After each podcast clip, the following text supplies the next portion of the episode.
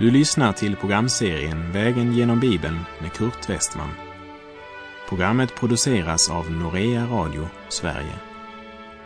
Vi befinner oss nu i Hesekiels bok. Slå gärna upp din bibel och följ med. Vi avslutade förra programmet med att påminna om sammanhanget mellan Hesekiel 2, vers 9 och 10 och Hesekiel 3, vers 1. Vi läser det avsnittet i Hesekiel 2, vers 9 till och med 3, vers 1. Och jag såg en hand räckas ut mot mig och i den såg jag en bokrulle. Han bredde ut den framför mig och den var fullskriven på insidan och utsidan. Och där var klagosånger, suckan och verop uppskrivna. Han sade till mig, du människobarn, ät vad du ser framför dig. Ät upp denna rulle och gå och tala till Israels hus. Gud ger Hesekiel en inblick i det budskap han kommer att måste predika för sitt folk. Det är mer än tungt, fullt av suckan och verop. Profeten förbereds för sin krävande uppgift.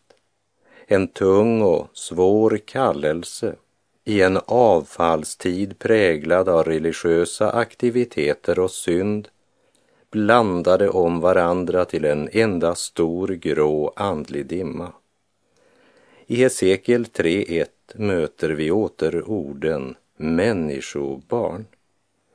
Det är den titel eller det namn Hesekiel får inför den uppgift som väntar honom och inför det lidande han skulle måste erfara. Hesekiels uppgift var inte att gå till stadens bibliotek och lära sig några fina fraser som han sedan kunde ropa ut till folket.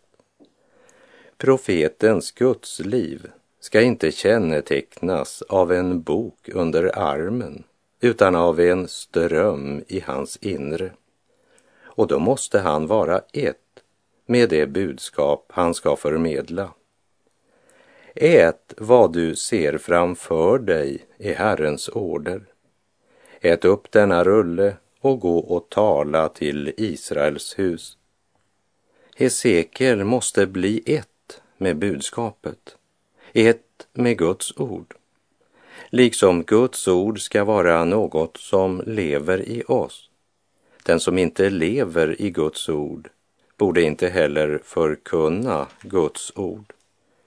Vi läser Hesekiel 3, verserna 2 och 3. Jag öppnade min mun och han gav mig rullen att äta. Han sade till mig, du människobarn, mätta din mage och fyll din buk med den rulle som jag nu ger dig.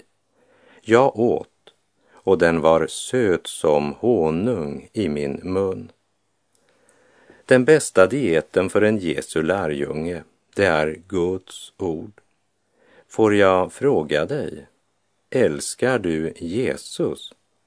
Eller kanske jag hellre borde fråga, älskar du Guds ord? Du älskar inte Jesus om du inte älskar Guds ord. Du måste älska Guds ord innan dess innehåll kan få någon verklig mening i ditt liv. Guds ord uppenbarar en person för dig och så får du kärlek till den personen som är Messias. Guds marsorder till Hesekiel lyder så här. Ät upp denna rulle och gå och tala till Israels hus. Orden Israels hus omfattar alla och i villkorslös lydnad öppnar Hesekiel munnen och äter bokrullen som är söt som honung i hans mun. Hela denna vision som han ser upplevs så starkt att han tycker sig känna smaken av bokrullen. Och vi läser vers 4 och 5. Han sade till mig, du människobarn, gå till Israels hus och tala mina ord till dem. Ty du blir inte sänd till ett folk med ett främmande språk och obegripligt tal, utan till Israels hus. Han skulle inte resa ut som missionär till ett främmande land, utan Gud sände honom till hans egna, men de tog inte emot honom. Hade Gud sänt honom till ett främmande folk där han först hade varit tvungen att lära språket, så skulle de nog ha lyssnat på honom, säger Gud. Vi läser vidare vers 6 och 7. Inte till många folk med främmande språk och obegripligt tal som du inte förstår. Om jag sände dig till sådana skulle de lyssna på dig. Men Israels hus vill inte lyssna på dig, ty de vill inte lyssna på mig. Hela Israels hus har hårda pannor och förhärdade hjärtan. Trots detta sträcker Gud ut handen till detta hårda folk. Han sänder sin budbärare att ropa ut omvändelsens budskap. Men Hesekiel kommer att göra den smärtsamma erfarenheten att det folk som förkastat Gud förkastar också Guds profet. Vi läser Hesekiel kapitel 3, vers 8 och 9. Men se, jag gör ditt ansikte hårt som deras ansikten och din panna hård som deras pannor. Jag gör din panna hård som diamant, hårdare än flinta. Frukta inte för dem och bli inte förskräckt, ty det är ett upproriskt släkte.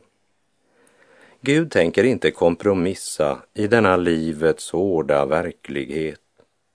Därför gör Herren sin tjänare hård som diamant, det vill säga hård på ett sådant sätt att han kan skära utan att själv bli skuren. Guds tjänare ska påverka världen, inte själv bli påverkad av världen. Därför gör Herren honom hård som diamant Hesekiel ska inte frukta för detta upproriska släkte. Han ska frukta Gud och ingen annan. På samma sätt ska en pastor eller församlingsföreståndares budskap inte styras av en styrelse eller ett äldsteråd, utan av Guds ord och han skall frukta Gud och Gud alena. Människofruktan får aldrig skrämma ett Herrens vittne till reträtt.